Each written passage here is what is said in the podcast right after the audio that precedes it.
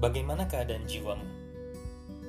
Itu adalah sebuah pertanyaan yang sangat asing bagi kita, sebab kita sangat langka ditanya tentang keadaan jiwa kita.